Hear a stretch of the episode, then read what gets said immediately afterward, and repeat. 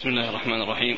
الحمد لله رب العالمين والصلاة والسلام على عبد الله ورسوله نبينا محمد وعلى آله وصحبه أجمعين. أما بعد قال الإمام أبو داود السجستاني يرحمه الله تعالى باب في صلاة العتمة. قال حدثنا عثمان بن أبي شيبة قال حدثنا سفيان عن ابن أبي لبيد عن أبي سلمة أنه قال سمعت ابن عمر رضي الله عنهما عن النبي صلى الله عليه وعلى آله وسلم أنه قال لا تغلبنكم الأعراب على اسم صلاتكم ألا وإنها العشاء ولكنهم يعتمون بالإبل. بسم الله الرحمن الرحيم. الحمد لله رب العالمين وصلى الله وسلم وبارك على عبده ورسوله نبينا محمد وعلى آله وأصحابه أجمعين. أما بعد فيقول الإمام أبو داود السجستاني رحمه الله تعالى باب في صلاة العتمة أي التي هي صلاة العشاء. هو المقصود من ذلك أن الذي ينبغي أن يذكر في اسم هذه الصلاة أن يقال صلاة العشاء كما جاء ذلك في القرآن. ومن بعد صلاة العشاء ثلاث عورات لكم في العورات الثلاث التي هي آخرها. فسماها الله عز وجل صلاة العشاء. والأعراب كانوا وكان يطلق عليها العتمة. والأعراب يطلقون عليها وكانوا يعتمون يعني يؤخرونها لأنهم يعتمون ب يعني الإبل يعني حتى يعني يؤخروا الصلاة بسبب ذلك. فكانوا يسمونها العتمة والمقصود من النهي ألا يهجر اسم العشاء وأن يغلب اسم الأعراب الذي يطلقه الأعراب على اسم صلاة العشاء الذي جاء في القرآن. وإذا ذكر في بعض الأحيان العشاء وأن يطلق عليها العتمة فذلك سائغ لأنه جاء في بعض الأحاديث الصحيحة إطلاق لفظ العشاء العتمة على العشاء. كما قال لا يعلم الناس ما في الفجر والعتمة. يعني صلاة الفجر وصلاة العتمة التي هي العشاء. فالمقصود من ذلك ألا يهجر الاسم وأن يغلب عليه ذلك الاسم الذي هو العتمة. ولهذا قال لا يغلبنكم الأعراب يعني على اسم صلاتكم. فإنها صلاة العشاء. وهم يعتمون الإبل أي يشتغلون بالإبل حتى يصلوها يعني بعد مضي وقت. يعني بسبب ذلك ولهذا يقول لها العتمة لأنها مأخوذ من الإعتام وهو شدة الظلام. والمقصود من ذلك هو المحافظة على الآداب في الآداب في الألفاظ وأنه يعبر عن الصلاة الثانية من صلاة الليل التي يعني صلاة العشاء يعبر عنها بصلاة العشاء كما جاء في القرآن ولا يعبر عنها بالعتمة يعني بأن يغلب ذلك. وإذا حصل أن قيل لها العتمة في بعض الأحيان فإنه لا بأس بذلك لأنه ثبت ذلك في بعض الأحاديث الصحيحة عن رسول الله صلى الله عليه وسلم. قال حدثنا عثمان بن أبي شيبة عثمان بن أبي شيبة ثقة أخرج له أصحاب الكتب الستة إلا الترمذي وإلا النسائي فقد أخرج له في عمل اليوم والليلة عن سفيان. عن سفيان وهو ابن عيينة المكي ثقة أخرج له أصحاب الكتب الستة. عن ابن أبي لبيد. عن ابن أبي لبيد وهو عبد الله. نعم. أخرج له أصحاب الكتب الله الترمذي. أصحاب الكتب الستة إلا الترمذي. عن أبي سلمة. عن أبي سلمة بن عبد الرحمن بن عوف وهو ثقة أخرج له أصحاب الكتب الستة. عن ابن عمر. عن ابن عمر عبد الله بن عمر بن الخطاب رضي الله تعالى عنهما الصحابي الجليل أحد العباد له الأربعة من الصحابة وأحد السبعة المعروفين بكثرة الحديث عن النبي عليه الصلاة والسلام. يقول السائل بعض الناس يقولون لصلاة العشاء صلاة الأخير فهل يدخل هذا في النهي؟ نعم يعني لأنه المقصود به العشاءين العشاءين يعني العشاء الأول اللي هو المغرب والعشاء الأخير الذي هو العشاء. ولكن كون الناس يأتون بلفظ بلفظ العشاء أو صلاة العشاء كما جاء ذلك عن رسول الله صلى الله عليه وسلم هو الذي ينبغي. وأما أن يهجر أو يترك لفظ صلاة العشاء ويقال الأخير أو العشاء الأخير يعني فالذي جاء في القرآن وهو صلاة العشاء هو الذي ينبغي أن يذكر. نعم.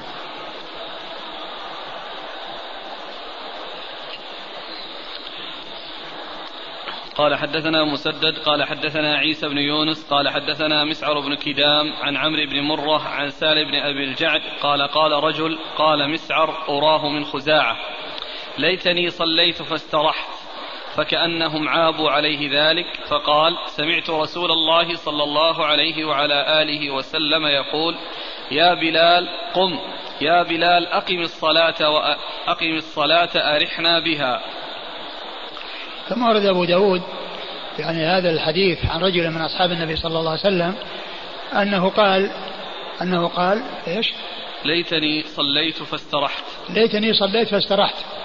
يعني يقصد من ذلك أنه أدى الواجب الذي عليه وأبرأ ذمته من ذلك الشيء الذي هو في ذمته. ويعني وهو تعبير يعني آه، معناه صحيح من ناحية أن الإنسان يعني يبادر إلى أداء الواجب. لكن لما كان التعبير بالاستراحة يعني كأنه يعني آه، تخلص أو ما إلى ذلك صار التعبير يعني أنكروا عليه ذلك فروى الحديث الذي الذي قال رحمة في الصلاة. ومن المعلوم أنه يمكن أن يقول يعني أن يكون هذا المعنى الذي هو قوله استرحت يعني استرحت بها وبالاتيان بها أو يكون استرحت منها. فالاستراحة منها هو الذي فيه ال ال ال الإشكال ولأنه تخلص من الشيء. و وأما الذي جاء في الحديث رحنا بالصلاة يعني معناه أنه رحنا مما كنا فيه من العناء والتعب ومن الضيق والمشقة إلى أن نشتغل بالصلاة ويكون شغلنا في الصلاة. فاذا كان المقصود يمكن أن يكون المقصود ان استراحت يعني أنه أدى الواجب اللي عليه وأفرغ ذمته وبادر إلى أداء الواجب. ومعلوم أن المبادرة لأداء الواجب هو من أهم الأشياء المطلوبة لأن الإنسان كونه يبادر إلى أداء الواجب ويبرئ ذمته هذا شيء محمود. لكن لما تعبير لما كان التعبير بالاستراحة قد يفهم منه معنى يعني آه، أنه يعني آه، آه، تركها أو أنه تخلص منها صار فيه يعني هذا الاحتمال الذي أنكروا عليه من أجله فهو استدل عليهم بقوله إنه كان يقول أرحنا بالصلاة. ومعلوم أن هذا غير هذا لكن يمكن أن يحمل هذا على معنى آه، استراح يعني بانشغاله بالصلاة وإقباله على الصلاة. نعم. قال حدثنا مسدد قال حدثنا مسدد بن مسرهد البصري ثقة أخرج له البخاري وأبو داود والترمذي والنسائي. عن عيسى بن يونس. عن عيسى بن يونس ثقة أخرج له أصحاب كتب الستة. عن مسعر بن كدام مسعر بن كدام ثقة أخرج له أصحاب الكتب الستة. عن عمرو بن مرة. عن عمرو بن مرة هو ثقة أخرج له أصحاب الكتب الستة. عن سالم بن أبي الجعد. سالم بن أبي الجعد وهو ثقة أخرج له أصحاب الكتب. أصحاب الكتب الستة. قال قال رجل قال, قال مسعر أراه من خزاعة قال قال رجل قال مسعر أراه من خزاعة يعني أنه من أصحاب النبي صلى الله عليه وسلم ولهذا قال إن النبي صلى الله عليه وسلم قال كذا. ومعلوم أن جهالة الصحابة لا تؤثر لأن المجهول فيهم في حكم معلوم والجهالة في غيرهم هي التي تؤثر. الحديث هذا الحديث والحديث الذي بعده ليس فيها علاقة أو يعني من ناحية في, في, صلاة العتمة لأن ما فيها تعرض في صلاة العتمة. ولكن يعني يبدو والله أعلم المقصود من ذلك أن هذه ألفاظ يعني مثل ما جاء في صلاة العتمة أن صلاة العشاء أولى من من العتمة فكذلك يعني ذكر آه، العبارات التي فيها احتمال يعني معنى ما هو جيد يعني تترك ولا ويؤتى بعبارات يعني واضحة لا احتمال فيها وإلا فإنه لا, لا تتعلق هي بصلاة العتمة. هذا الحديث الحديث اللي بعده والذي بعده لا تعلق لها بصلاة العتمة ولكنها لها تعلق من جهة أنها ألفاظ ينبغي أن يبتعد عن الشيء الذي فيه احتمال معنى يعني غير لائق أو غير مرغوب فيه. نعم. قال حدثنا محمد بن كثير قال أخبرنا إسرائيل قال حدثنا عثمان بن المغيرة. عن سالم بن أبي الجعد عن عبد الله بن محمد بن الحنفية قال انطلقت أنا وأبي إلى صهر لنا من الأنصار نعوده. فحضرت الصلاة فقال لبعض أهله يا جارية ائتوني بوضوء لعلي أصلي فأستريح. قال فأنكرنا ذلك عليه فقال سمعت رسول الله صلى الله عليه وآله وسلم يقول قم يا بلال فأرحنا بالصلاة. ثم هذا مثل الذي قبله. عبد الله بن محمد بن الحنفية وأبوه ذهب إلى صهر لهم من الأنصار يعودونه فطلب من جارية أن تأتي بماء قال يعني حتى أتوضأ وأصلي فأستريح فأنكروا عليه التعبير بأستريح مثل ما حصل الإنكار على الرجل المبهم في في الأول وكذلك هنا هو مبهم يعني رجل من الأنصار غير معروف. وكما قلنا الجهالة في الصحابة لا تؤثر فقال إن النبي صلى الله عليه وسلم قال يعني قم يا بلال فأرحنا بالصلاة. ومعلوم أن قولها استريح يعني محمول على أنه يستريح بها يستريح بها وأنه يعني يبادر إلى أداء الواجب لا أن المقصود ذلك أنه يتخلص منها وأنه يعني آه يعني كأنه شيء ثقيل يعني يتخلص منه وإنما هو إما ليستريح بها ويعني يكون له فيها شغل يعني تشغله عن عن عما أهمه وعما كان فيه أو المقصود من ذلك أنه آه، يبادر إلى أداء ما أوجب الله عليه فيبرئ من ذمته فيكون المعنى مستقيم يعني على على هذين الوجهين نعم. قال حدثنا محمد بن كثير محمد بن كثير العبدي ثقة أخرج له أصحاب كتب الستة. عن إسرائيل عن إسرائيل بن يونس بن أبي إسحاق وهو ثقة أخرج له أصحاب كتب الستة. عن عثمان بن المغيرة عن عثمان المغيرة هو ثقة أخرج له البخاري وأصحاب السنن. البخاري وأصحاب السنن. عن سالم بن أبي الجعد عن عبد الله بن محمد بن الحنفية. عبد سالم بن أبي الجعد من هو عبد الله بن محمد بن الحنفية ثقة أخرج له أصحاب الكتب. أصحاب الكتب الستة.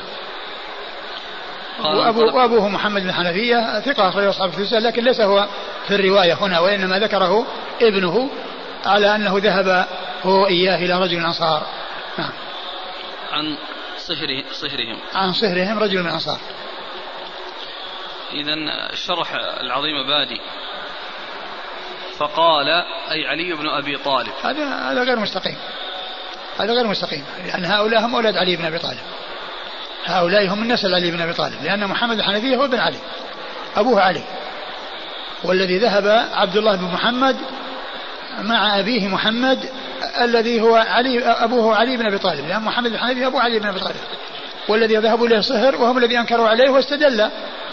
فإذا علي ذكره هنا لا وجه له. قال حدثنا هارون بن زيد بن أبي الزرقاء قال حدثنا أبي قال حدثنا هشام بن سعد عن زيد بن أسلم عن عائشة رضي الله عنها أنها قالت ما سمعت رسول الله صلى الله عليه وآله وسلم ينسب أحدا إلا إلى الدين. ثم رد أبو داود حديث عائشة ما سمعت النبي صلى الله عليه وسلم ينسب أحدا إلا إلى الدين. يعني فيقول مهاجري أو أنصاري أو ما إلى ذلك. يعني عندما يذكره يذكره يعني بشيء يعني آه، لقب آه، محمود كالهجرة والنصرة. ولكن الحديث يعني فيه انقطاع. يعني آه، بين عائشة والراوي عنها. نعم.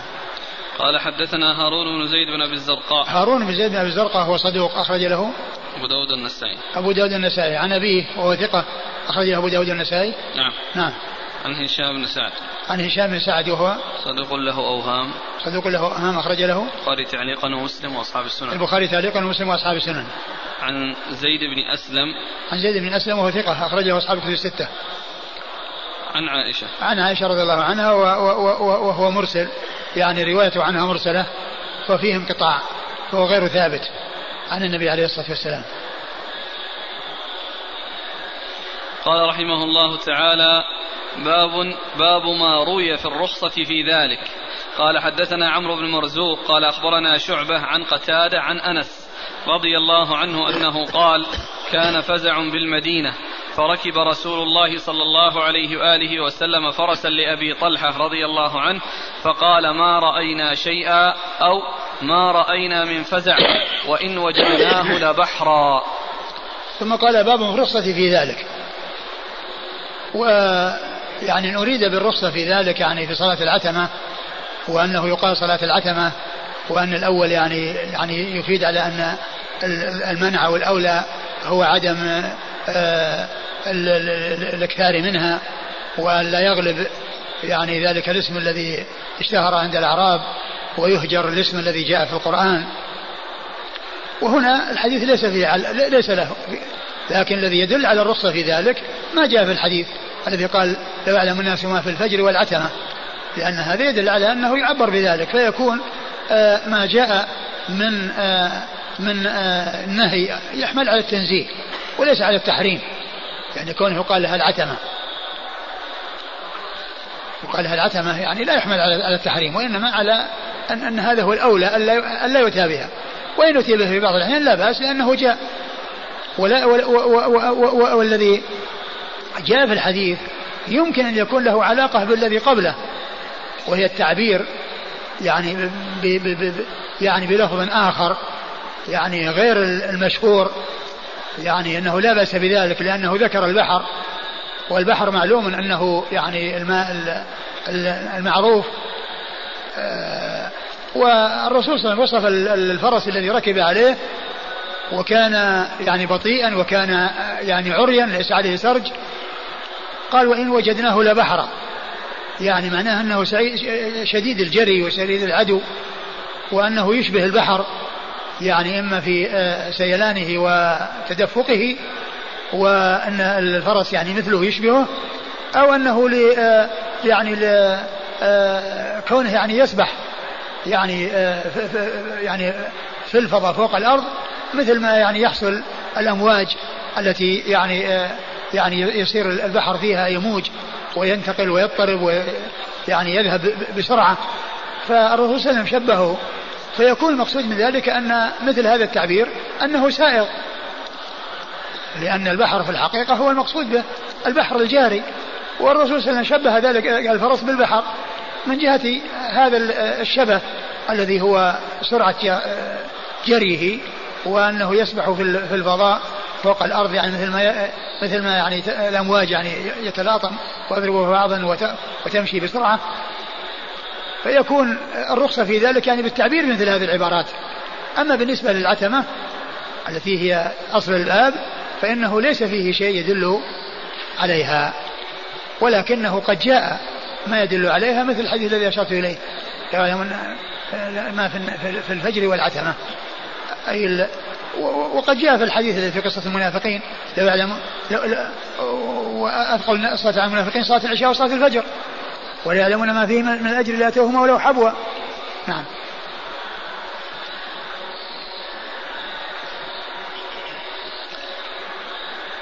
كان فزع بالمدينة فركب رسول الله صلى الله عليه وسلم فرسا. كان فزع في المدينة يعني أصاب الناس فزع على اعتبار يعني وصول أعداء لهم يعني قادمين على المدينة. فيعني سمعوا الصوت فالرسول فأرادوا أن فأسرعوا والرسول صلى الله عليه وسلم سبقهم. فركب على على على فرس يعني عري وليس عليه سرج وكان بطيئا ولكن الله تعالى أجراه. فحتى سبق الناس ورجع إليهم وهم يعني ذاهبون وهو مستقبلهم قد رجع قال يعني لا خوف عليكم. يعني معناه إنه ما في شيء. يعني هذا الذي آه الذي حصل ليس له يعني حقيقة ولم يحصل يعني الشيء الذي تخافونه فطمأنهم عليه الصلاة والسلام. والحديث طويل هنا مختصر. نعم. والفرس كان لأبي طلحة كما جاء في بعض الأحاديث. وكان عريا ليس عليه سرج وكان أيضا بطيئا. نعم. قال حدثنا عمرو بن مرزوق. عمرو بن مرزوق هو؟ ثقة له أوهام. ثقة له أوهام أخرج له. البخاري وأبو داود. البخاري وأبو داود. عن شعبة.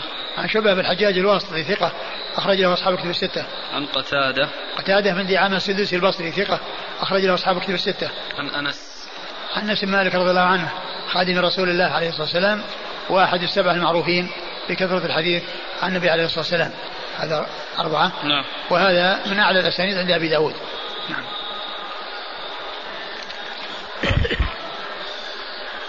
يقول استدل بعض أهل العلم بهذا الحديث على جواز أخذ حق الغير بغير إذنه إذا علم رضاه. لا شك هذا سائر.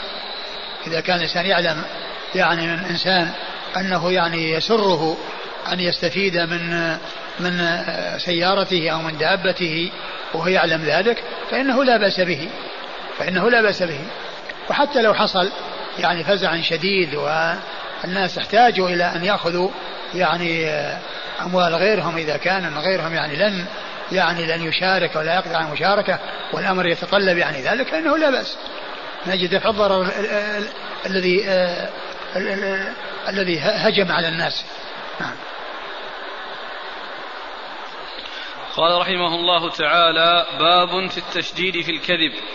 آه يعني الأحاديث التي مرت آه، وهي عديدة كلها تتعلق بأدب الكلام والألفاظ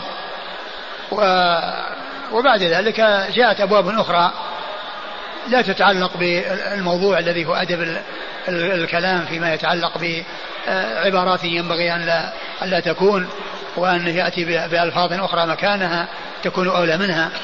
وسبق أن فيما يتعلق بتسمية العنب يعني كرما كلام جيد وجميل لابن القيم ذكره في في عون المعبود نريد أن نسمعه.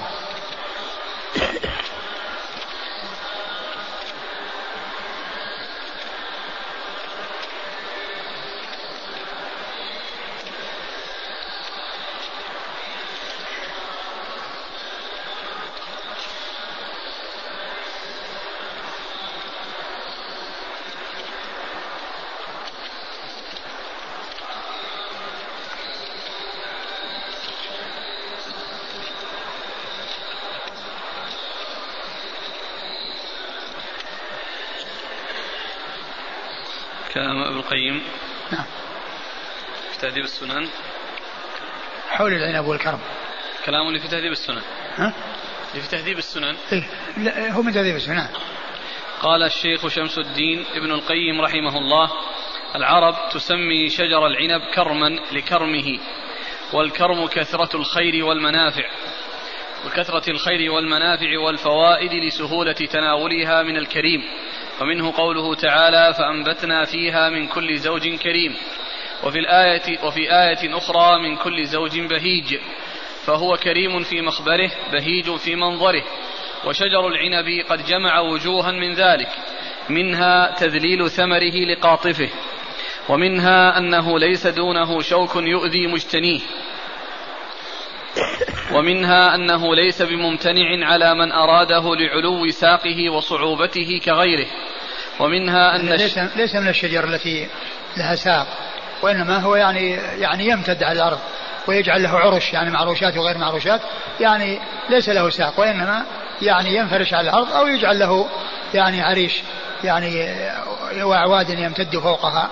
ثم تتنازل يعني من تحت العريش العناقيد عناقيد العنب.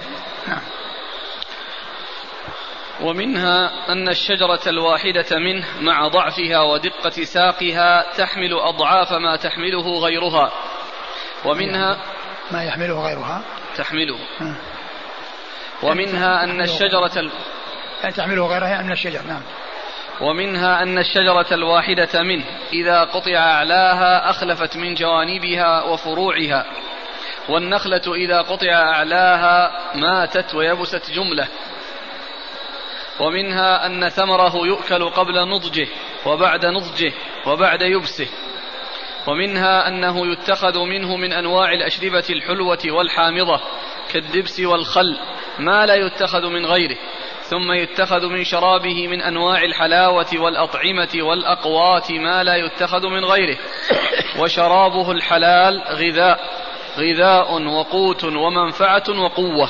يعني شرابه الحلال يعني معناه مفهوم ضد الحرام الذي هو الخمر الذي يتخذ منه الذي يتخذ منه هو الخمر.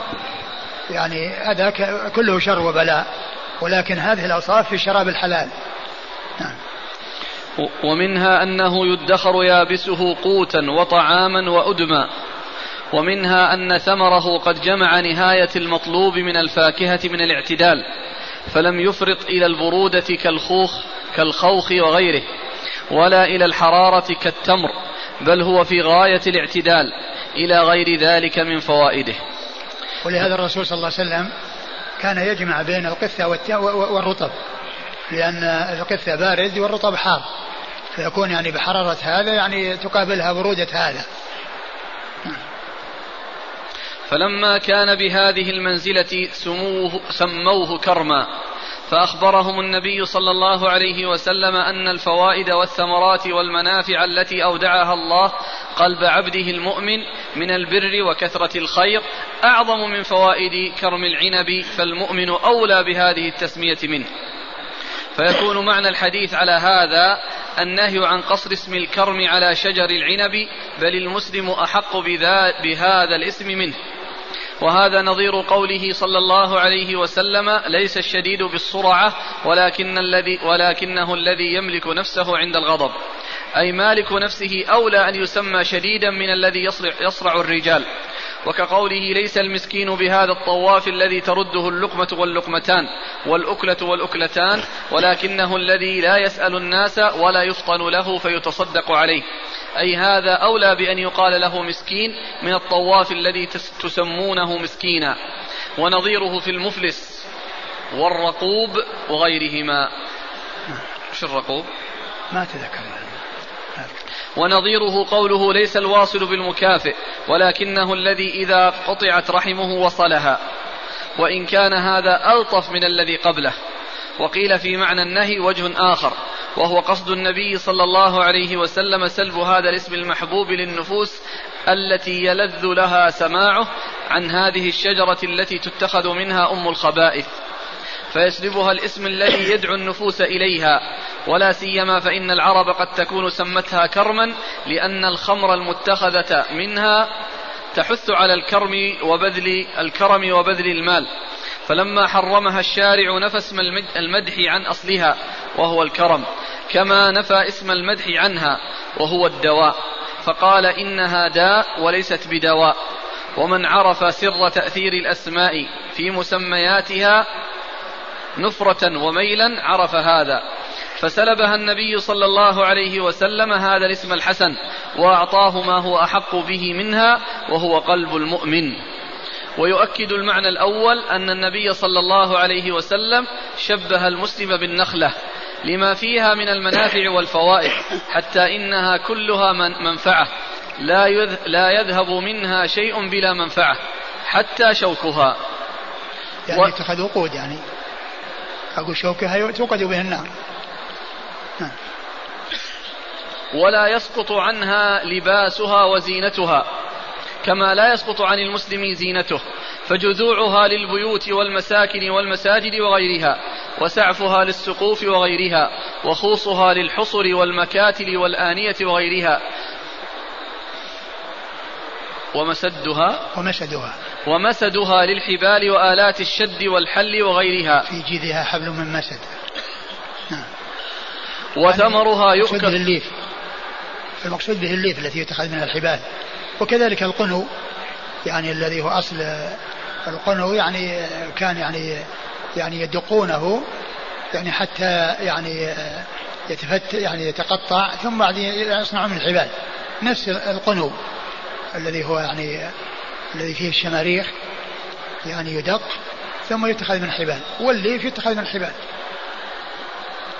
وثمرها يؤكل رطبا ويابسا ويتخذ قوتا وأدما وهو أفضل المخرج وهو أفضل المخرج في زكاة الفطر تقربا إلى الله وطهرة للصائم ويتخذ منه ما يتخذ لأن من لأنه يعني ما يحتاج إلى تعب يعني يؤكل رأسا تمر. البر يحتاج إلى طحن ويحتاج إلى خبز يحتاج إلى يعني وكذلك الشعير والزبيب يعني كذلك يعني معناه أنه يعني يحتاج إلى معالجة حتى يصير زبيب. والأقط يعني كذلك يحتاج إلى تجميد. يعني وأما التمر رأسا يؤكل ما يبي أي يعني شيء.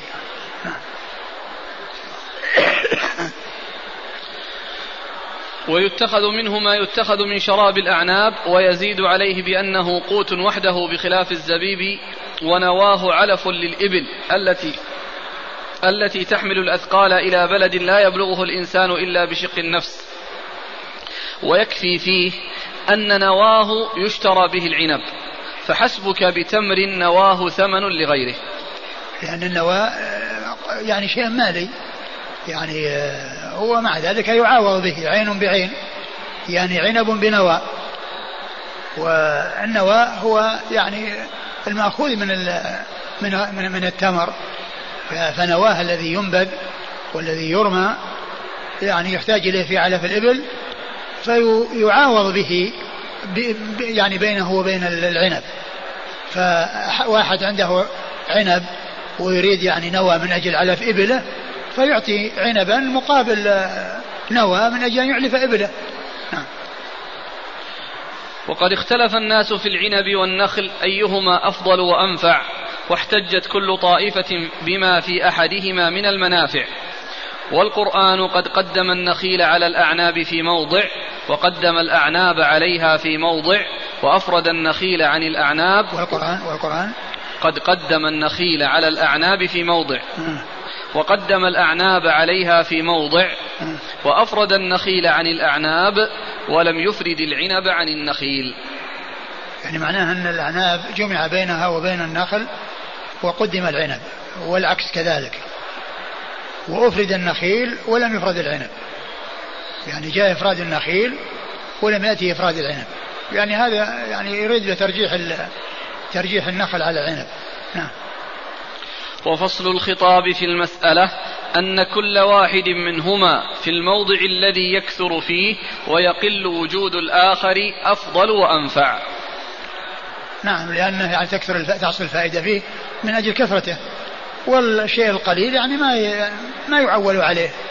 أقول ما هو التعويل عليه؟ التعويل على ما هو كثير. ففي مكان يكثر فيه العنب فتكون الفائدة فيه أكثر ويقل فيه النخل ومكان يكثر فيه النخل ويقل فيه العنب فيكون الفائدة فيه أكثر.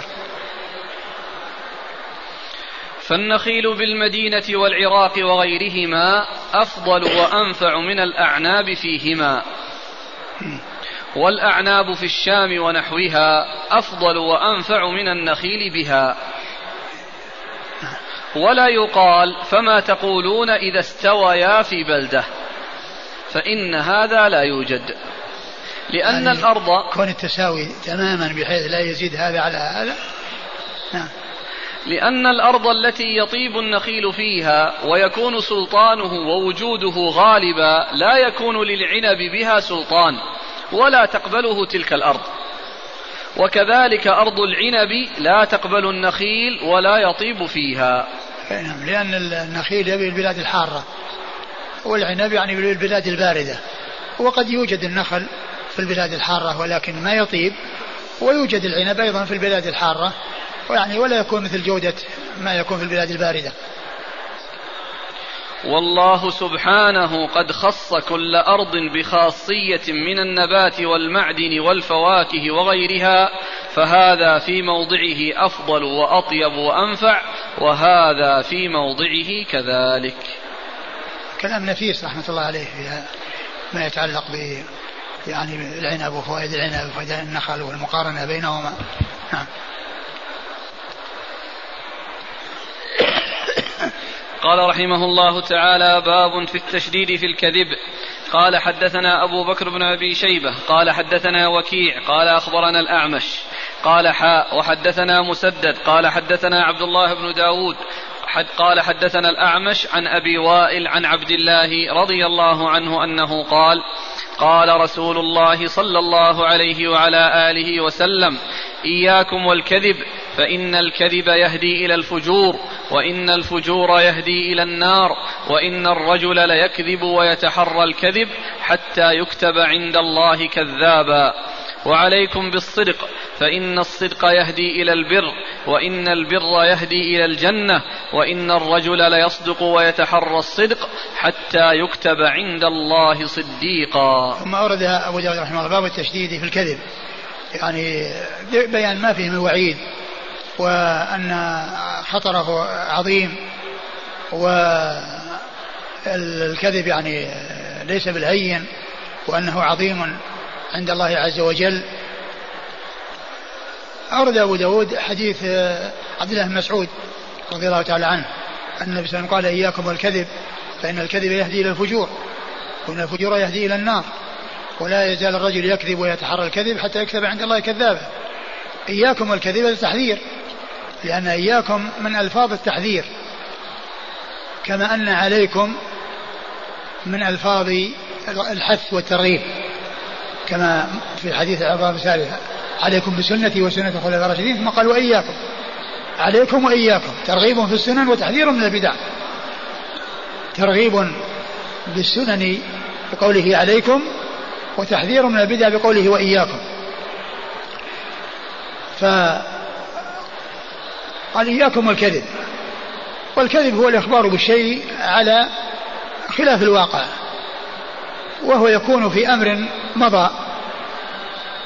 على أنه يعني حصل كذا وكذا وقع كذا وكذا. ولهذا كانت اليمين الكاذبة لا كفارة لها بل هي اليمين الغموس التي تغمس صاحبها بالإثم لأن الإنسان آه، كذب حلف كاذبا على أمر أخبر بأنه حصل وهو ما حصل.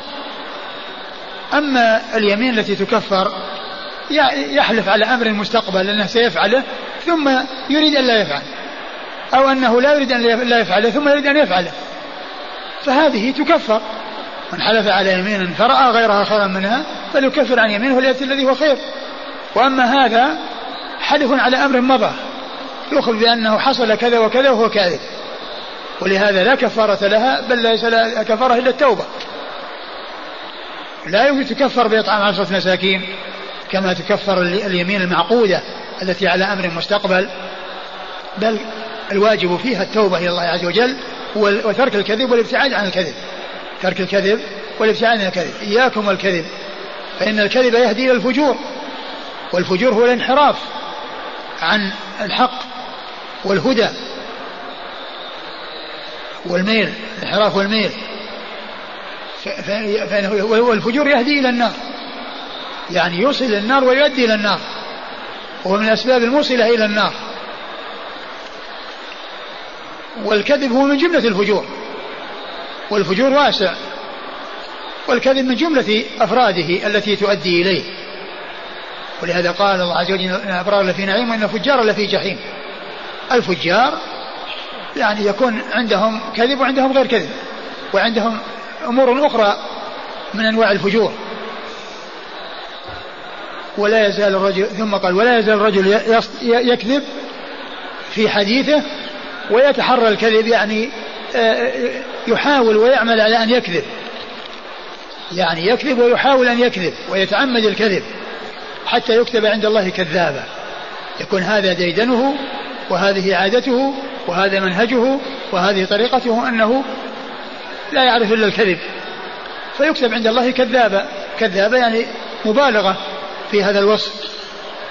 كما أن العكس.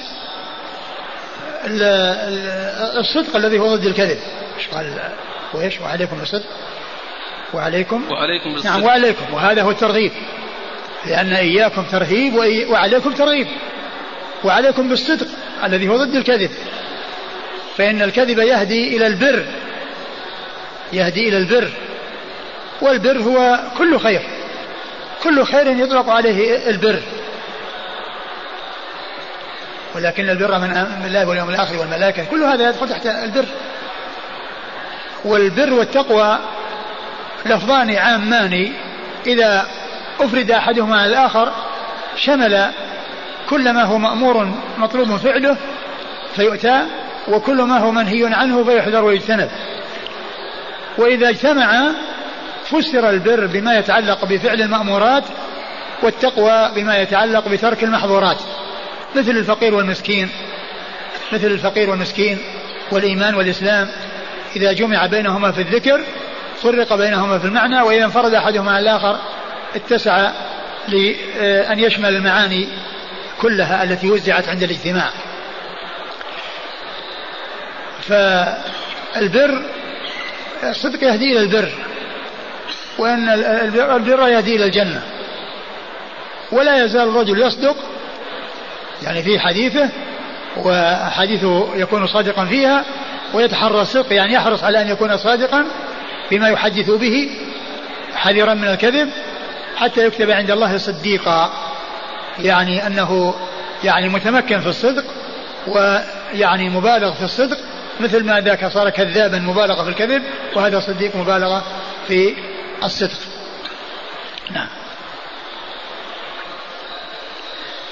قال حدثنا أبو بكر بن أبي شيبة. أبو بكر بن أبي شيبة ثقة أخرج عبد الله بن محمد أخرج أصحاب كتب الستة إلى الترمذي. عن وكيع.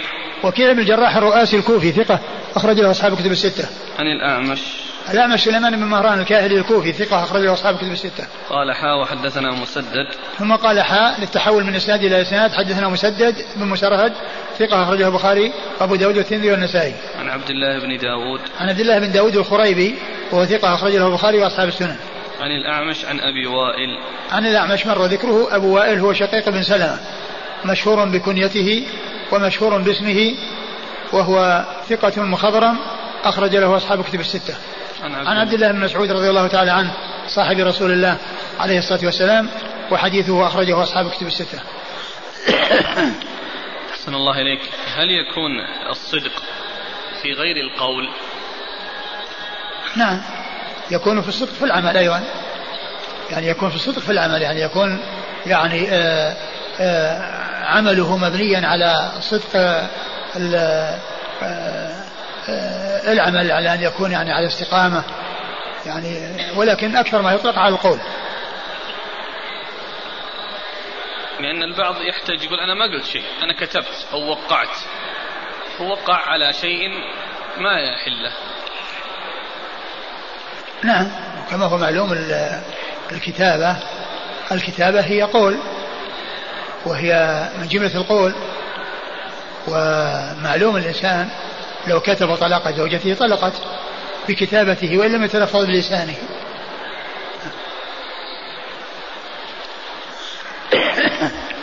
قال حدثنا مسدد بن مسرهد قال حدثنا يحيى عن بهز بن حكيم قال حدثني أبي عن أبيه رضي الله عنه أنه قال سمعت رسول الله صلى الله عليه وعلى آله وسلم يقول ويل للذي يحدث فيكذب ليضحك به القوم.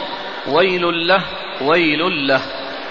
ثم ورد أبو داود حديث معاوية بن حيدة رضي الله عنه. النبي صلى الله عليه وسلم قال ويل للذي يكذب ليضحك القوم ويل له ويل له.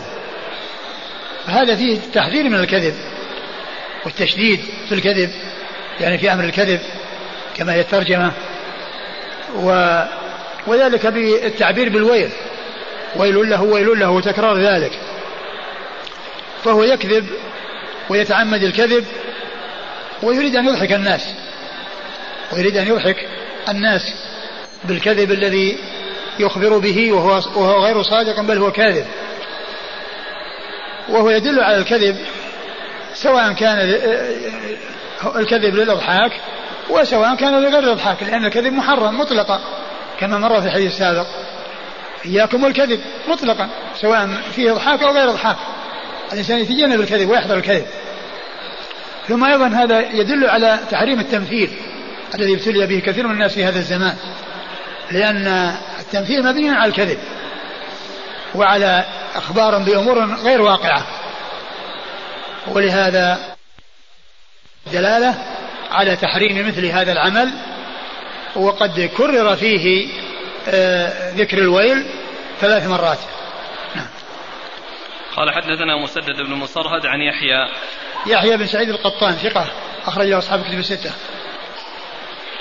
عن بهز بن حكيم. بهز بن حكيم بن معاوية بن حيدة وهو صدوق أخرج له البخاري تعليقا وأصحاب السنن. عن أبيه. عن أبيه وهو صدوق أخرجه البخاري تعليقا وأصحاب السنن. عن جده معاوية بن حيدة رضي الله عنه وهو صحابي أخرجه البخاري تعليقا وأصحاب السنن. يعني الثلاثة كلهم يعني متناسلون يروي عن أبيه عن جده وكل من الثلاثة خرجه البخاري تعليقا ومسلم وأصحاب السنن وأصحاب السنن بدون مسلم. كل من الثلاثة خرجه البخاري تعليقا وأصحاب السنن يقول إذا حدث الرجل بقصة أو بطرفة وهي لا حقيقة لها ويبين ذلك للسامعين فقط يقولها من أجل الإضحاك. هل يدخل في هذا الحديث؟ إذا كان إذا كان تلك يعني ليس لها أساس يعني ليس لها أساس فالمحذور قائم لأن أخبارهم بشيء لا وقوع له. إخبارهم ما ما يغني. إخبار السامعين بأن هذه النكتة ما حصلت. صار كذب. يعني معناه كذب يعني صرح لهم بأنه كذب.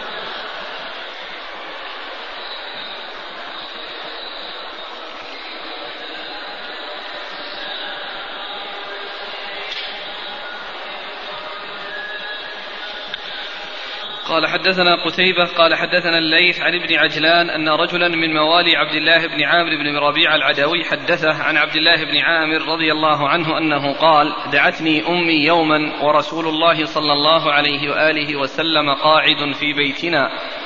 فقالت ها تعال أعطيك.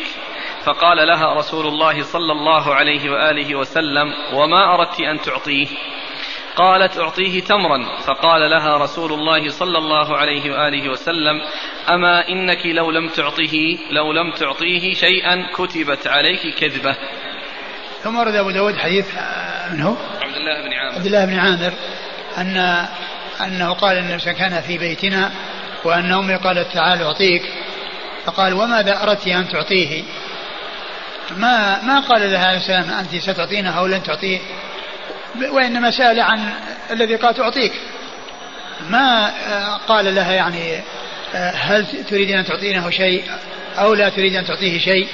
وإنما قال وما الذي تريد أن تعطيه؟ فقالت تمرا فأخ... ف... ف... ف... فكانت النتيجة أنها تريد أن تعطيه شيئا وأنه ذلك الشيء هو التمر. فالنبي صلى الله عليه وسلم قال أما إنك لو لم تعطيه شيئا لكتبت عليك كذبة. وهذا يدل على أن الكذب على الصغار يعتبر كذبا وأنه لا يقال أن هذا يعني الأمر سهل وأن الكذب إنما يضر إذا كان على الكبار بل الصغار المطلوب أن يعودوا على الصدق وأن لا يعودوا على الكذب. قال حدثنا قتيبة قتيبة بن سعيد ثقة أخرج له أصحاب كتب الستة. عن الليث عن الليث بن سعد ثقة أخرجه أصحاب كتب الستة. عن ابن عجلان عن ابن عجلان محمد بن عجلان المدني صدوق أخرجه البخاري تعليقا ومسلم وأصحاب السنن. عن رجل من موالي عبد الله بن عامر. عن رجل من موالي عبد وهذا مبهم مبهم غير معروف والألباني صححه وذكر له شاهدا يعني آه، يدل عليه. نعم. عن عبد الله بن عامر عن عبد الله بن عامر رضي الله عنه وحديثه. قال عند أصحاب الكتب. أخرج أصحاب الكتب الستة. يقول هل فيه وهذا يدل على تحمل الصغير في حال صغره وتأديته في حال كبره. وكذا ومثله تحمل الكافر في حال إسلامه وتأديته بعد إسلام في, في كفره وتأديته بعد إسلامه. فكل ذلك سائغ ومعتبر وهذا من أمثلته تحمل الصغير في حال الصغر وأداء في حال الكبر. فتحمل الصغير أداء الكبير في حال كبره ما تحمله في صغره معتبر عند العلماء.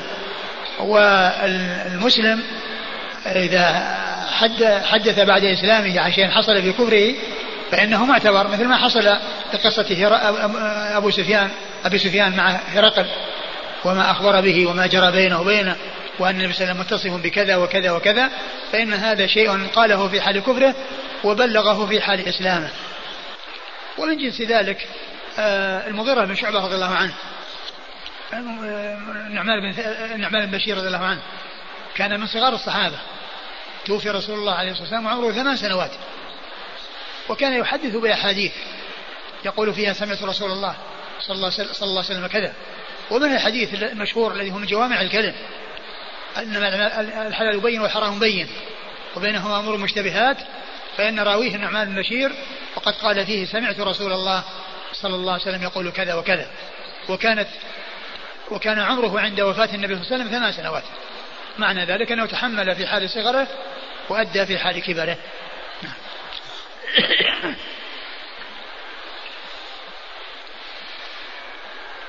قال حدثنا حفص بن عمر قال حدثنا شعبة قال حا وحدثنا محمد بن الحسين قال حدثنا علي بن حفص قال حدثنا شعبة عن خبيب بن عبد الرحمن عن حفص بن عاصم قال ابن حسين في حديثه عن أبي هريرة رضي الله عنه أن النبي صلى الله عليه وآله وسلم قال كفى بالمرء إثما أن يحدث بكل ما سمع.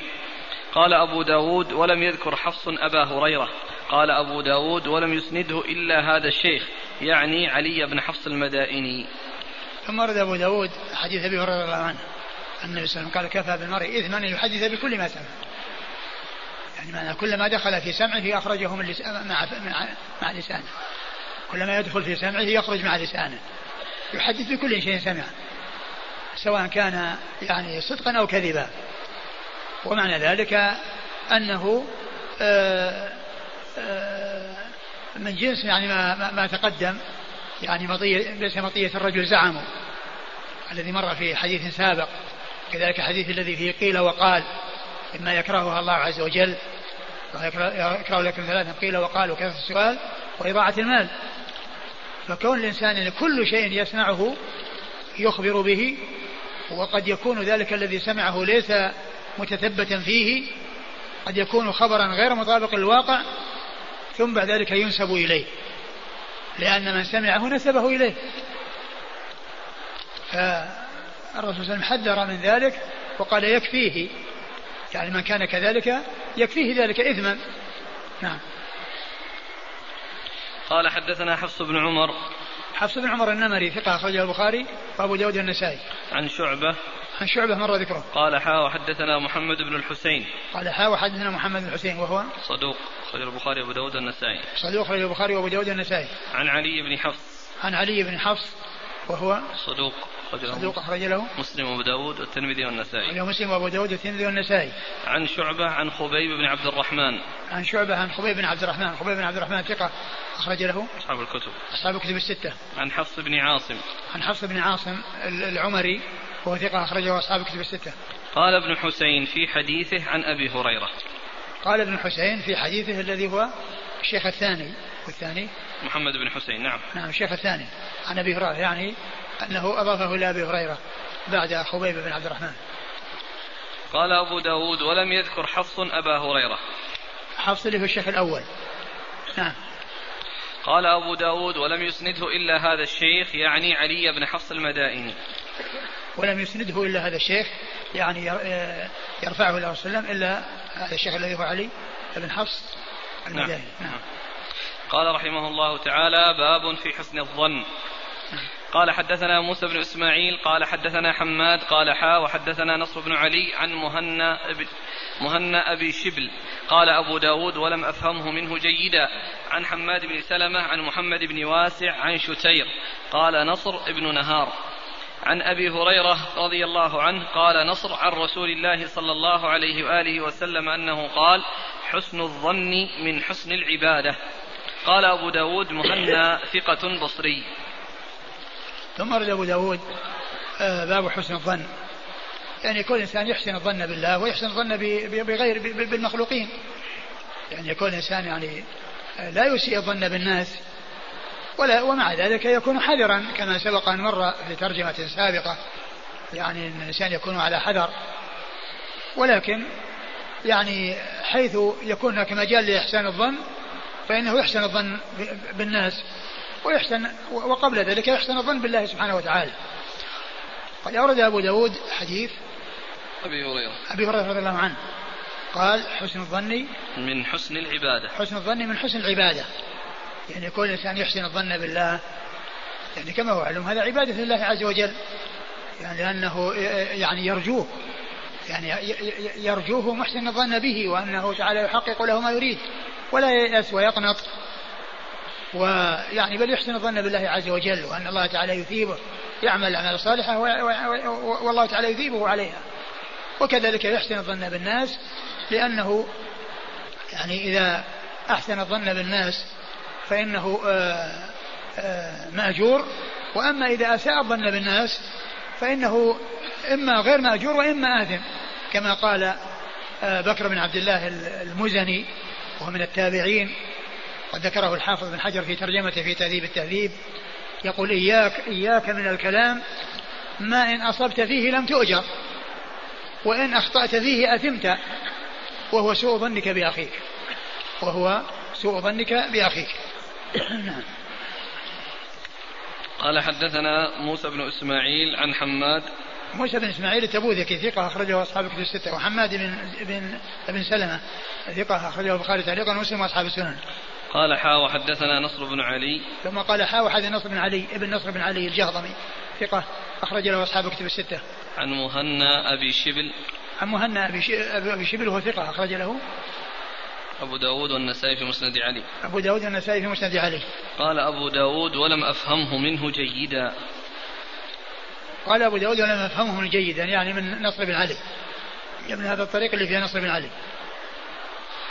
عن حماد بن سلمة عن محمد بن واسع. محمد بن سلمة محمد بن سلمة عن محمد بن واسع. محمد بن واسع واسع ثقة أخرج له. مسلم وأبو داود والترمذي والنسائي. مسلم وأبو داود والترمذي والنسائي. عن شتير قال نصر ابن نهار. قال عن شتير قال نصر بن نهار.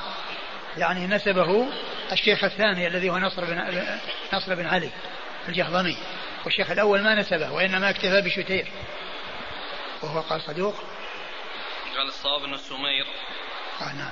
العبدي صدوق خرجه أبو داود الترمذي صدوق خرجه أبو داود الترمذي والشيخ الألباني ضعف هذا الحديث وبسبب شتير هذا وقال إن الذهبي قال إنه نكرة.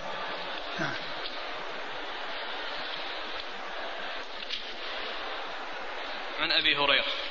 عن أبي هريرة مر ذكره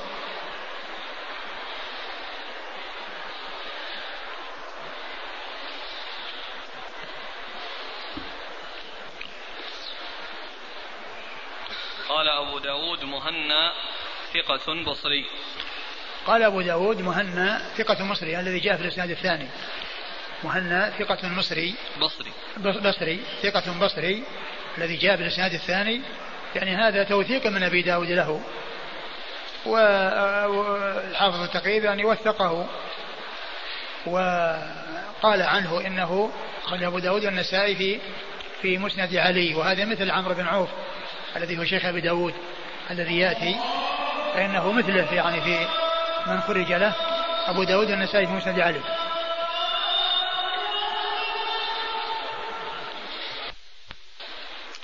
قال حدثنا أحمد بن محمد المروزي قال حدثنا عبد الرزاق قال أخبرنا معمر عن الزهري عن علي بن حسين عن صفية رضي الله عنها أنها قالت كان رسول الله صلى الله عليه وآله وسلم معتكفا فأتيته أزوره ليلا.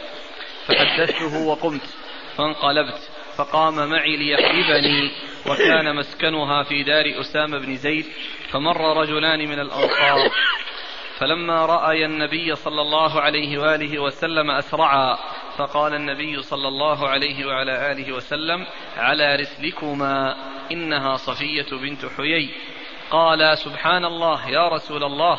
قال إن الشيطان يجري من الإنسان مجرى الدم فخشيت أن يقذف في قلوبكما شيئا أو قال شرا. ثم أورد أبو داود حديث صفية أم المؤمنين بنت حيي رضي الله تعالى عنها أنها زارت النبي صلى الله عليه وسلم في معتكفه وأن في الليل وأنه قام معها ليقلبها يعني يرافقها في الانصراف. و وكان يعني يمشي معها فكان مر رجلا من الأنصار فأسرع فالنبي صلى قال على رسلكما إنها صفية بنت حيي فقال سبحان الله. يعني ما ما يعني ما أردنا شيء أو ما وقع في أذهاننا شيء. وكيف يعني يعني يصير أن أن يظن بك شيء وأنت رسول الله؟ قال إن الشيطان يجري من ابن آدم مجرى الدم وإني خشيت أن يقذف في نفوسكما شيئا. وإني خشيت أن يقذف في نفوسكما شيئا. فأراد أن يعني يبين لهم من أول وهلة أن أن يعني يبين لهم الواقع حتى لا يحصل أن يقذف الشيطان في نفوسهما شيئا. والحديث يدل على يعني زيارة المعتكف وعلى جلوسه مع أهله للحاجة يعني في المسجد. و وأيضا أنه يعني عند يعني يعني يرافقهم في الانصراف. وفيه أيضا مرافقة الزائر يعني عندما يزور يعني يقوم يعني يمشي معه. وفيه أن الإنسان يدفع عن نفسه إذا حصل يعني شيء يعني قد يعني ظنوا به فإنه يدفع عن نفسه. وفيه أن الشيطان آه، كما بين رسول الله صلى الله عليه وسلم يعني آه، إغواء الإنسان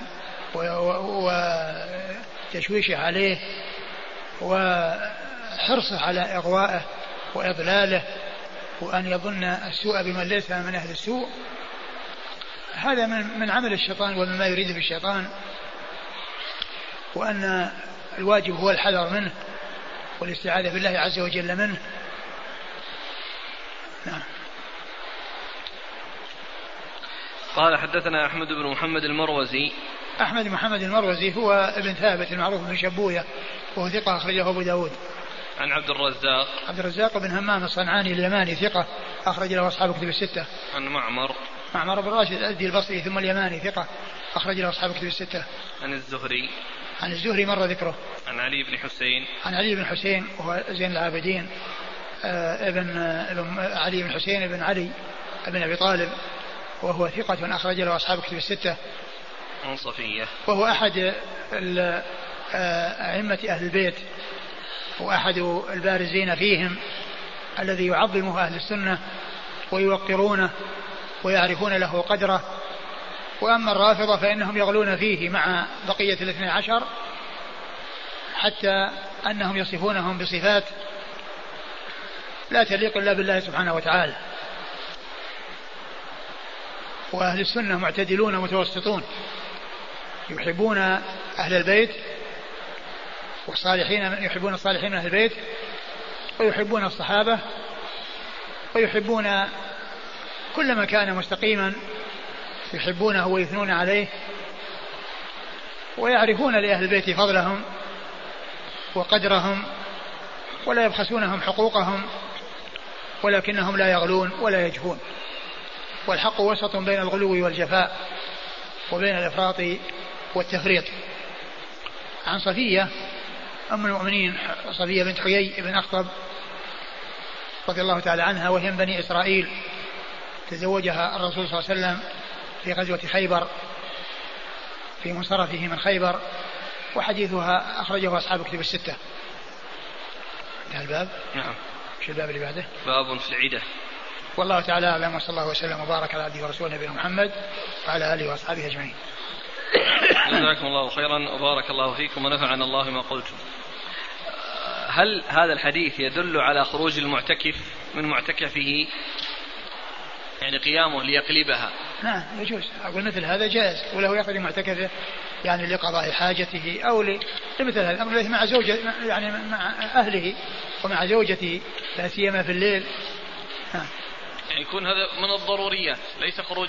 نعم نعم هو ما هو خروج يعني معناه يعني آه، توسع الناس يبنى عليه توسع الناس لا.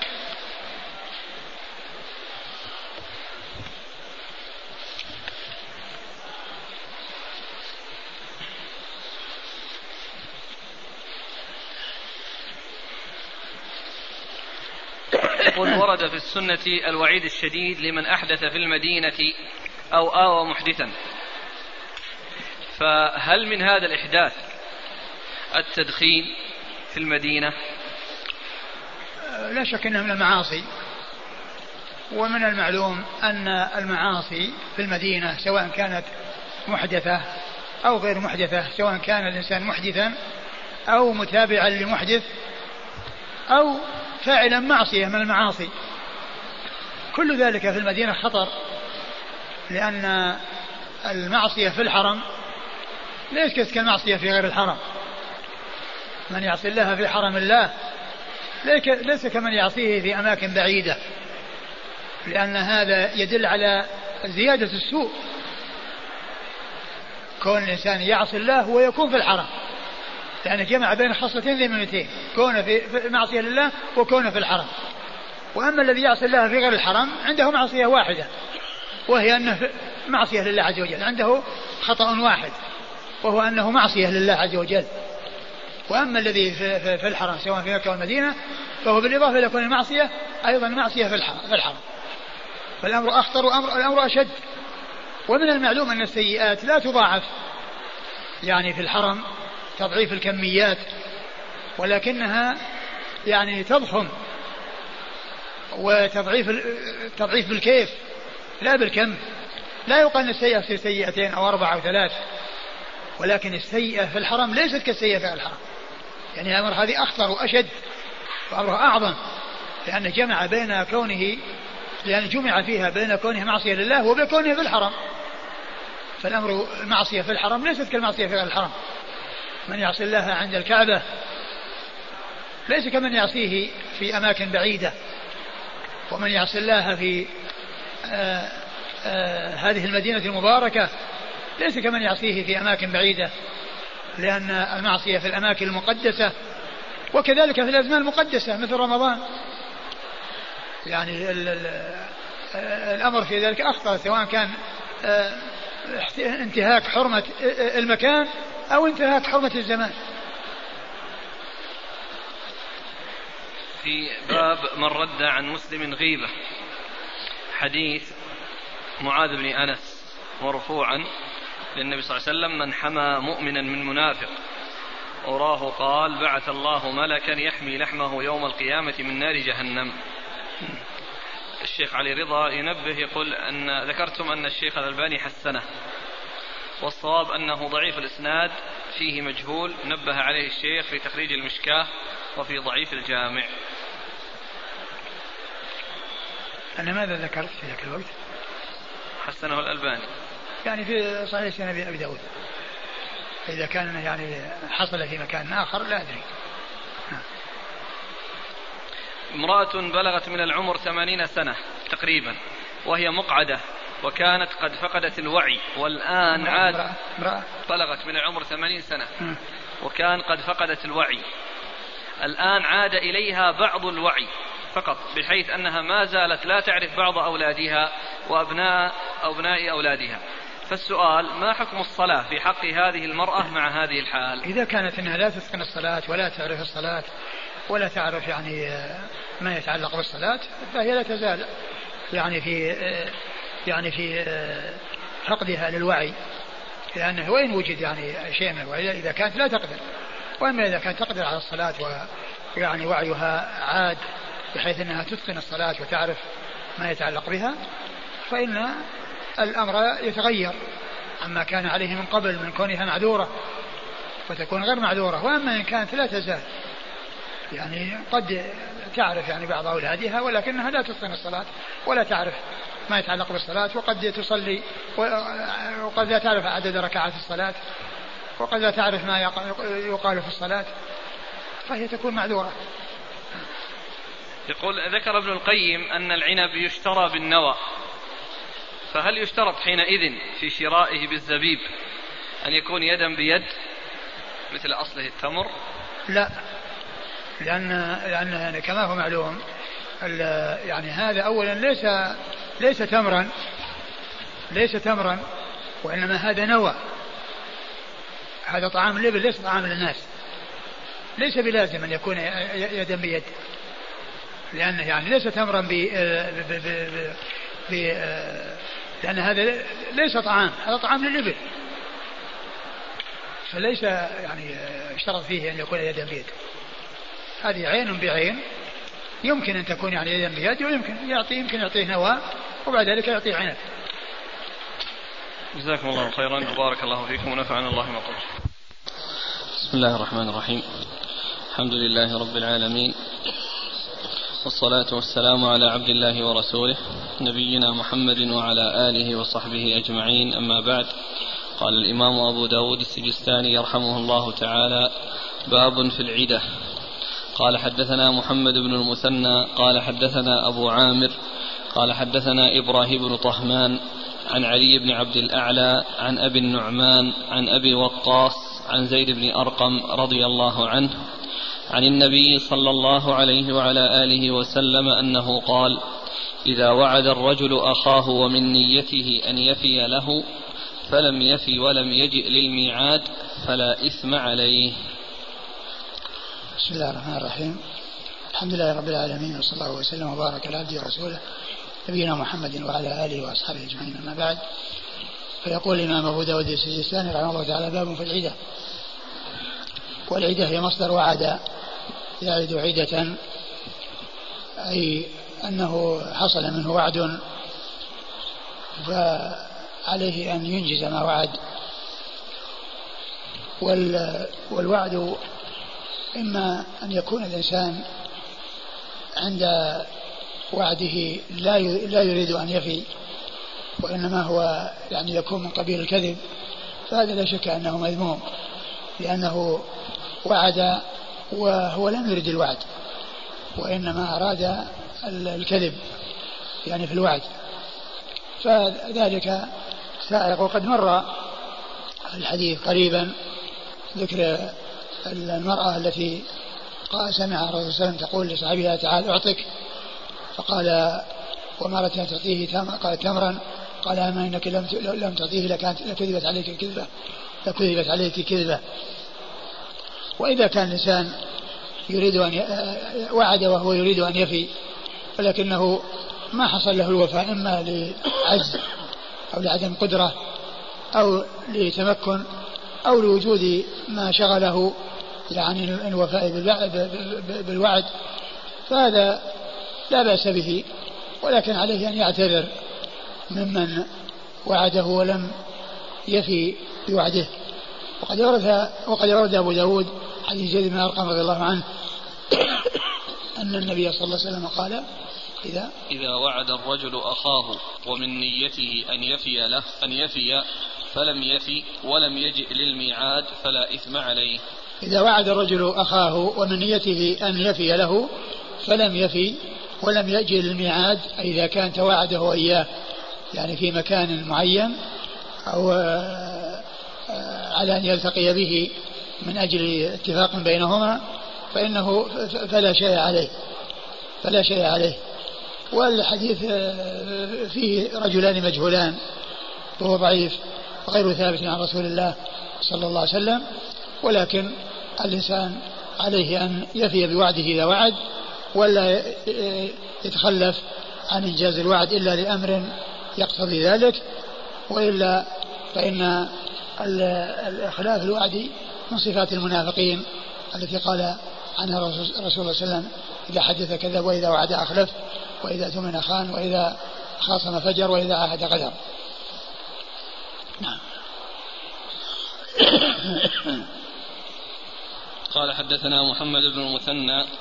محمد المثنى هو أبو موسى العنزي الملقب الزمن وهو ثقة.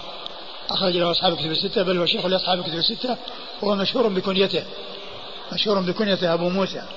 ولهذا عندما يذكر الحافظ بن حجر في التقريب في التهذيب التهذيب يعني الشيوخ التلاميذ أحيانا يكتفي يقول أبو موسى روى عنه فلان وفلان وأبو موسى.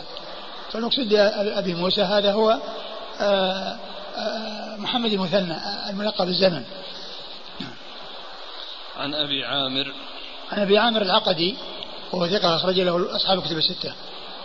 عن إبراهيم بن طهمان. عن إبراهيم بن طهمان وهو ثقة أخرج له أصحاب الكتب الستة. عن علي بن عبد الأعلى. عن علي بن عبد الأعلى وهو صدوق ربما وهم. صدوق ربما وهم أخرج له أصحاب السنن. أصحاب السنن. عن أبي النعمان. عن أبي النعمان وهو مجهول أخرج له أبو داود والترمذي.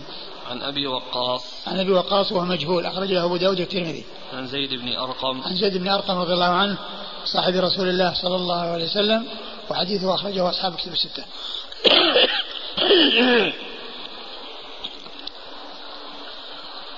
الحديث الحديث ضعيف لأن فيه مجهولان.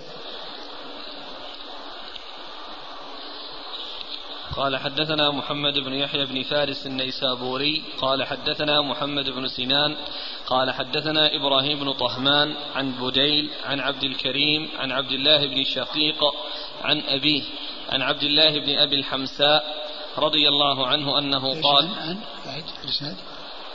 قال حدثنا محمد بن يحيى بن فارس النيسابوري قال حدثنا محمد بن سنان قال حدثنا إبراهيم بن طهمان عن بديل عن عبد الكريم عبد الكريم عن عبد الله بن شقيق عن أبيه عن عبد الله بن أبي الحمساء رضي الله عنه أنه قال بايعت النبي صلى الله عليه وآله وسلم ببيع قبل أن يبعث وبقيت له بقية فوعدته أن آتيه بها في مكانه فنسيت.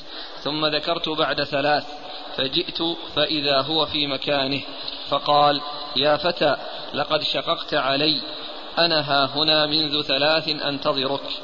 قال أبو داود قال محمد بن يحيى هذا عندنا عبد الكريم بن عبد الله بن شقيق.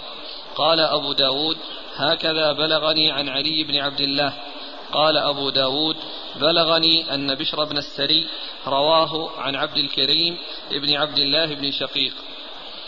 ثم رد أبو داود هذا الحديث عن من؟ عبد الله بن أبي الحمساء. عبد الله بن أبي الحمساء أنه كان آآ آه، آآ آه، إيش؟ قال بايعت النبي صلى نعم الله عليه وسلم. كان بايع رسول الله صلى الله عليه وسلم وصار بقي له شيء فواعده ليأتي إليه به في مكان فلم يأته ثم لقيه بعد ثلاث في نفس المكان وقال شققت علي يا فتى أنني من هنا أنني ها هنا منذ ثلاث أنني ها هنا منذ ثلاث. وأورد أبو داود من أجل أن من أجل خلاف الوعد وأن كونه لم يأتي له في الوقت المحدد ترتب على ذلك أن جلس هذه المدة ينتظر. والحديث في متنه نكارة وفي إسناده ضعف فهو غير ثابت. فيه نكارة من جهة أنه جلس ثلاث ليالي في مكان ينتظر وأنه قال إنني ها هنا منذ ثلاث. والنكارة والضعف في بعض إسناده من هو ضعيف؟ وهو عبد الكريم بن عبد الله بن شقيق.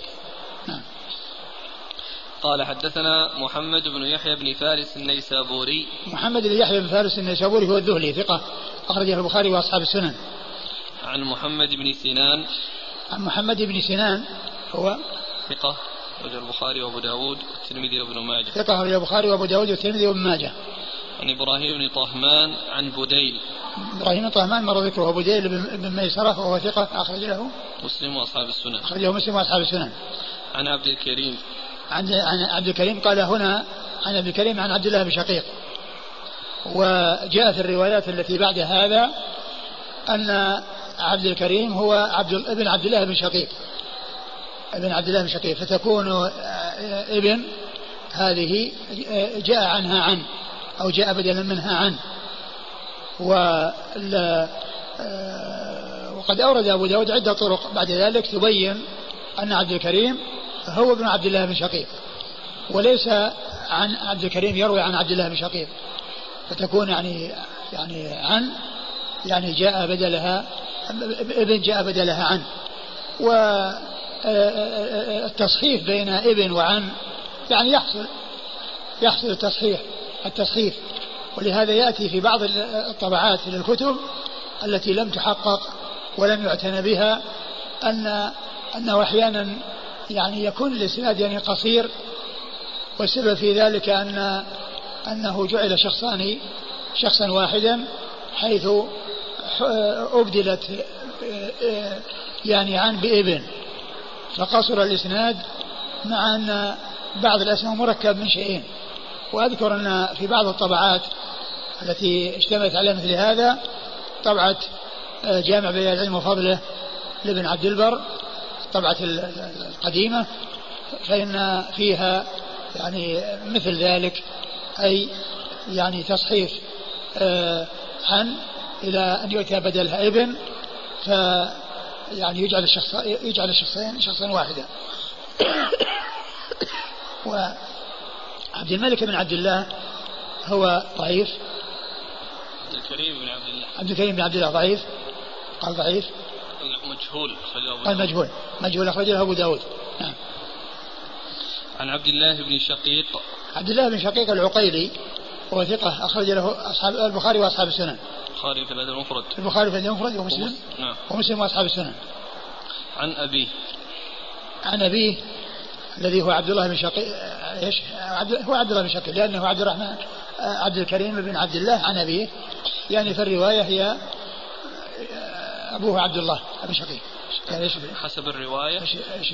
نعم عبد الكريم عن عبد الله بن شقيق عن أبيه. إيه بس له يعني كما هو معلوم على حسب ال ال ما ذكره أبو داود في الآخر يكون عبد الكريم من عبد الله بن شقيق عن أبيه. يعني يكون عن عبد الله بن شقيق. والحافظ لما لما ذكر شقيق العقيلي قال جاء في رواية موهومة. رواية؟ موهومة. نعم هذا والصواب عن عبد الله بن شقيق عن عبد الله بن أبي الحمساء. أين هو هذا. لأنه لما جاءت عن وصارت الرواية عن عبد الله بن شقيق عن أبيه صار شقيق كأنه راوي وهو ليس براوي. وإنما الإشكال جاء من أن ابن آه، جاء بدلها عن. عن عبد الله بن أبي الحمساء. عبد الله بن أبي الحمساء صحابي أخرج له أبو داود. أخرج له أبو داود. والإسناد فيه عبد الله عبد الكريم بن عبد الله بن شقيق وهو مجهول. ففيه نكارة من جهة المتن وضعف من جهة الإسناد. قال أبو داود قال محمد بن يحيى هذا عندنا عبد الكريم بن عبد الله بن شقيق. هذا عندنا عبد الله عبد الكريم بن عبد الله بن شقيق. يعني وليس عن عبد الله بن شقيق. قال أبو داود هكذا بلغني عن علي بن عبد الله. هكذا بلغني عن علي بن عبد الله هو المديني وهو ثقة أخرجه البخاري وأبو داود والترمذي والنسائي وابن ماجه في التفسير. ثقة أخرجه البخاري ومسلم لا. البخاري وأبو داود والترمذي والنسائي وابن ماجه في التفسير. قال أبو داود بلغني أن بشر بن السري رواه عن عبد الكريم بن عبد الله بن شقيق. ثم ذكر عن بكر بن بشر بن السري وهو ثقة أخرجه أصحاب الكتب. أخرجه أصحاب الكتب الستة. يقول السائل إذا أحرجت بشخص يريد مني وعدا فقلت آتيك إن شاء الله وأنا أريد أن أتخلف عن الوعد فقلت إن شاء الله للتخلص. اعتذر منه لأن قد يكون إن شاء الله يعني من تحقيق وأنك يعني يفهم منها أنك عازم. فأنت اعتذر له بالعذر الذي يجعله لا ينتظرك. هل يلزم لإبرام الوعد أن ينطق به فيقول أعدك بهذا الشيء أو هذا وعد؟ أم أن مجرد النطق بالشيء يعتبر وعدا؟ لا مجرد النطق بالشيء يعتبر وعدا. ما هو لازم أن يكون كلمة أعد. أو, أو يعني أن أعدك. أقول ليس بلازم. أقول ليس بلازم أن يقول يعني أعدك كذا وكذا. وإنما يقول سأفعل كذا وكذا سأعطي كذا وكذا. هذا هو هذا هو الوعد. إذا تضمن الوفاء بالعهد مشقة فهل يجب الوفاء به؟ إذا تضمن الوفاء به مشقة من جهة أنه يعني حصل له هذا فينبغي له أن يتصل أو يعني يعمل على إبلاغ الخبر للشخص يعني حتى يبلغه عذره لئلا يشق عليه في الانتظار وأن يبقى في انتظاره أو يتكلف من أجله وهو يعني قد منعه مانع فليعمل على الاتصال به. نعم. لا سيما في هذا الزمان الاتصال صار سهل عن طريق الهاتف. ما هي الحالات التي يسقط فيها الوفاء بالعهد؟ الوعد. هذا الوعد آه آه كون الإنسان يعني غير متمكن يعني وعد شيء على أنه يعني آه يقدر عليه ومع ذلك لم يقدر ولم يتمكن يعني من ذلك فإنه يسقط. يعني آه، الإنسان يكون معذور إذا, إذا لم يفي لأنه وعد على أساس أنه يعني يقدر ولم يقدر ف... فيكون معذورا.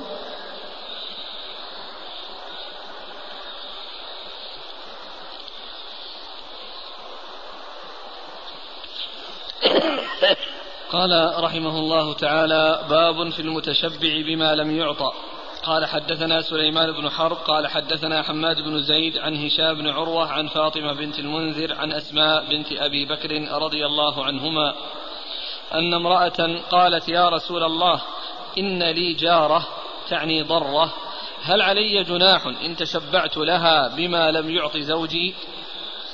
قال المتشبع بما لم يعط كلابس ثوبي زور.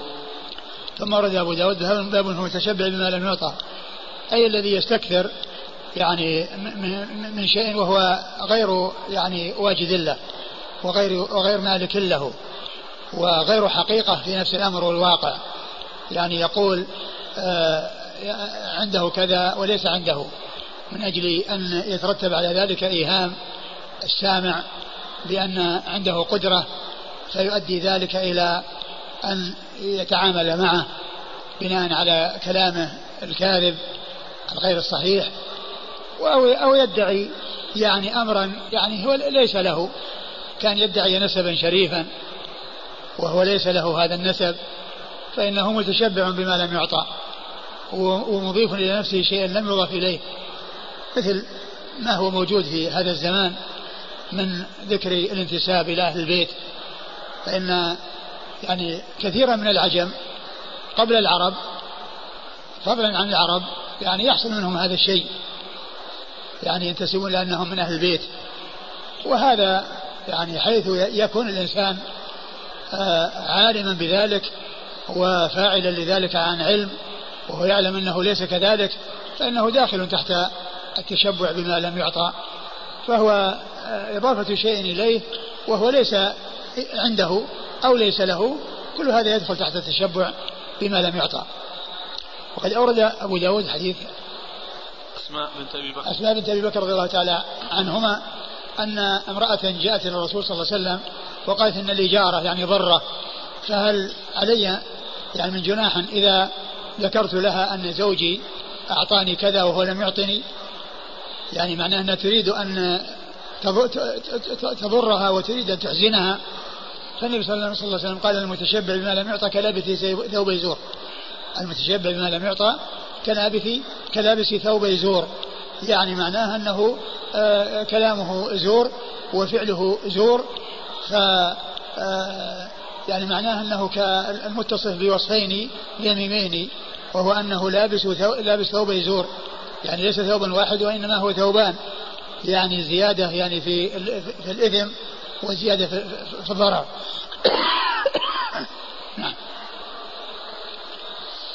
قال حدثنا سليمان بن حرب سليمان بن حرب ثقة أخرج له أصحاب الكتب الستة. عن حماد بن زيد حماد بن زيد ثقة أخرج له أصحاب الكتب الستة. عن هشام بن عروة هشام بن عروة آه، ابن الزبير وهو ثقة أخرج له أصحاب الكتب الستة.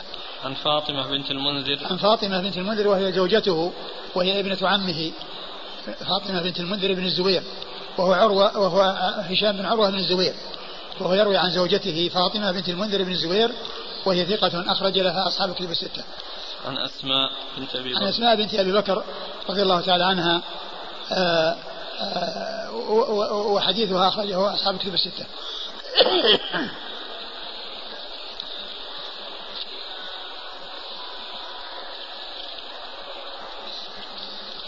قال رحمه الله تعالى باب ما جاء في المزاح. قال حدثنا وهب بن بقية قال أخبرنا خالد عن حميد عن أنس رضي الله عنه أن رجلا أتى النبي صلى الله عليه وآله وسلم فقال يا رسول الله احملني. قال النبي صلى الله عليه وعلى آله وسلم إنا حاملوك على ولد ناقة. قال وما أصنع بولد الناقة؟ فقال النبي صلى الله عليه وآله وسلم وهل تلد الإبل إلا النوق؟ ثم رد أبو داود باب, باب في المزاح.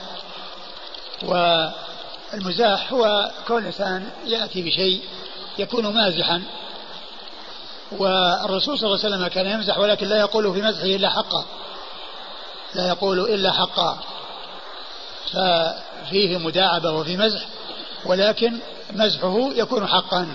ليس فيه شيء يخالف الحق أو شيء يعني آه، ليس بصحيح بل هو صحيح. وقد أورد أبو داود رحمه الله حديث أنس. أنس بن مالك رضي الله عنه أن رجلا جاء النبي صلى الله عليه وسلم وقال احملني يعني يريد منه أن يحمله على بعير وأن يعطيه وأن يقدم وأن يعطيه ما يحمل ما يحمله يعني يحمل نفسه عليه. فقال إنا حاملوك على ولد الناقة. فهو فهم أن ولد الناقة يعني الصغير الذي يعني لا لا يحمل عليه ولا يركب عليه. فقال وماذا أصنع بولد الناقة؟ فقال وهل تحمل وهل تلد النوق إلا الإبل إلا النوق؟ وهل تلد الإبل إلا النوق؟ لأن كل إبل هو من ولد الناقة. كل الإبل من ولد الناقة. فهذا نزاح وتورية. هذا نزاح وتورية لأن الرسول صلى الله عليه وسلم أراد العموم وهذا فهم شيئا خاصا الذي هو الصغير الذي لا يحمل إلا سنه لا يستطيع أن يحمل إلا سنه مثلا فإن هذا ولد الناقة فهو فهم أن هذا الشيء فهذا من مزحه صلى الله عليه وسلم ومداعبته لأصحابه. ومنه المرأة التي قال لها الرسول لا يدخل الجنة عجوز لا يدخل الجنة عجوز. فإن فإنها يعني آه، آه، تألمت وتأثرت فقال لها إن إن النساء عندما إذا دخلن الجنة يعودن أبكارا ويرجعن إلى شباب ويدخلن الجنة وهن شباب لا يدخلن الجنة وهن عجائز. لا يدخل الجنة عجوز يعني متصفة بهذا الوصف. يعني فإنها تدخل وهي شابة. وهي فهمت يعني أن العجوز في الدنيا لا تدخل الجنة. وإنما الرسول صلى الله عليه وسلم أراد بذلك أنها لا تدخل المرأة الكبيرة الجنة وهي كبيرة وهي عجوز وإنما تدخلها وهي شابة كما قال الله عز وجل إنا أنشأناهن إنشاء فجعلناهن أبكارا عربا أترابا. نعم. قال حدثنا وهب بن بقية. وهب بن بقية الواسطي وهو ثقة خرج له مسلم. وأبو داود النسائي. وأبو داود النسائي. عن خالد بن عبد الله الواسطي الطحان وهو ثقة أخرج له أصحاب كتب الستة. عن حميد. عن حميد بن أبي حميد الطويل وهو ثقة أخرج له أصحاب كتب الستة. عن أنس بن مالك رضي الله عنه خادم رسول الله عليه الصلاة والسلام وأحد السبع المعروفين بكثرة الحديث عن النبي عليه الصلاة والسلام. وهذا الإسناد من الأسانيد العالية عند أبي داود لأنه رباعي.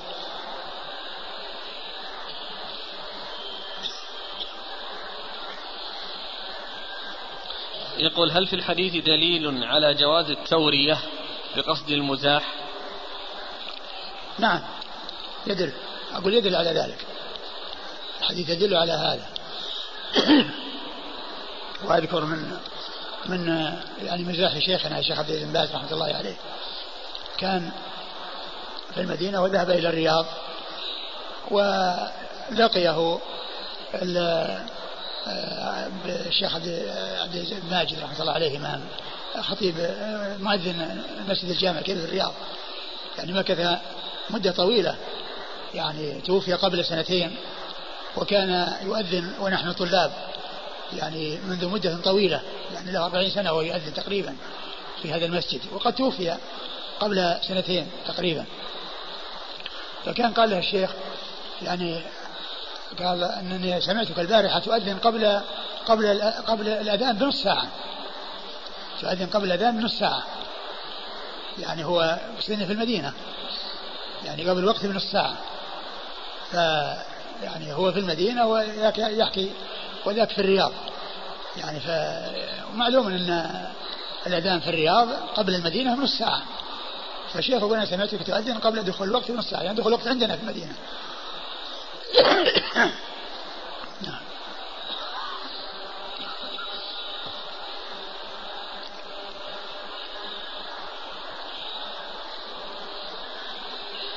قال حدثنا يحيى بن معين قال حدثنا حجاج بن محمد قال حدثنا يونس بن أبي إسحاق عن أبي إسحاق عن العزار بن حريث عن النعمان بن بشير رضي الله عنهما قال استأذن أبو بكر رضي, رضي الله عنه عليه رضي الله عنه على النبي صلى الله عليه وعلى آله وسلم فسمع صوت عائشة رضي الله عنها عاليا فلما دخل تناولها ليلطمها. وقال ألا أراك ترفعين صوتك على رسول الله صلى الله عليه وآله وسلم فجعل النبي صلى الله عليه وآله وسلم يحجزه وخرج أبو بكر مغضبا فقال النبي صلى الله عليه وآله وسلم حين خرج أبو بكر كيف رأيتيني أنقذتك من الرجل؟ قال فمكث أبو بكر أياما ثم استأذن على رسول الله صلى الله عليه وآله وسلم فوجدهما قد اصطلحا فقال لهما أدخلاني في سلمكما كما أدخلتماني في حربكما. فقال النبي صلى الله عليه وآله وسلم قد فعلنا قد فعلنا. ثم ورد أبو داود حديث عائشة رضي الله عنها أن أن أن أباها دخل عليها عند رسول الله صلى الله عليه وسلم وكان صوتها عاليا فغضب عليها وأراد أن يلطمها. فالرسول صلى الله عليه وسلم حال بينه وبينها و يعني خرج مغضبا يعني دخل يعني ثم خرج مغضبا. ثم إن الرسول صلى الله عليه وسلم قال لعائشة ألا تروني ألا تريني منعتك منعتك من الرجل يعني حلت بينك وبين الرجل يعني اللي هو أبوها. قالوا هذا هو المزاح و وأيضا في آخره قال أدخلاني في سلمكما كما ادخلتناني أدخلتماني في حربكما. يعني المرة الأولى اللي حصل فيها يعني خصام وخرج مغضب وهالمرة يعني صاروا متصافين ومصطلحين. فالأولى فيها حرب والثانية فيها سلم. قال أدخلاني في سلمكما كما ادخلت أدخلتماني في حربكما. قال الرسول قد فعلنا قد فعلنا. آه يعني هذا الحديث آه فيه آه في متنه يعني شيء من جهة كون أبو بكر يعني يفعل هذا الفعل ومع أنه معروف بالرحمة وبالرأفة ومعروف باللطف رضي الله عنه وما كان معروفا بالشدة. اللهم إلا أن شدته عرفت في في حرب حروب الردة يعني مع مع مع, لطفه ومع هدوء سماحته ومع رفقه صار آه في في في, في قتال المرتدين يعني تغلب على غيره وفاق غيره. عمر بن الخطاب الذي كان شديدا صار هو أشد منه يعني فيما يتعلق بحروب الردة. فصفات أبي بكر رضي الله عنه من يعني الهدوء و وعدم الشدة يعني هذا فيه شيء وكونه أراد أن يلطمها ثم الرسول يمنع منها ثم يخرج مغضبا يعني ما يخلو من شيء. والإسناد أيضا فيه أبو إسحاق السبيعي وهو مدلس وقد روى يعني بالعلعنة والحديث ضعفه الألباني. نعم. قال حدثنا يحيى بن معين. يحيى بن معين ثقة أخرج له أصحاب كتب الستة. عن حجاج بن محمد. عن حجاج بن محمد المصيصي ثقة. أخرج له أصحاب كتب الستة. عن يونس بن أبي إسحاق. يونس بن أبي إسحاق السبيعي وهو صدوق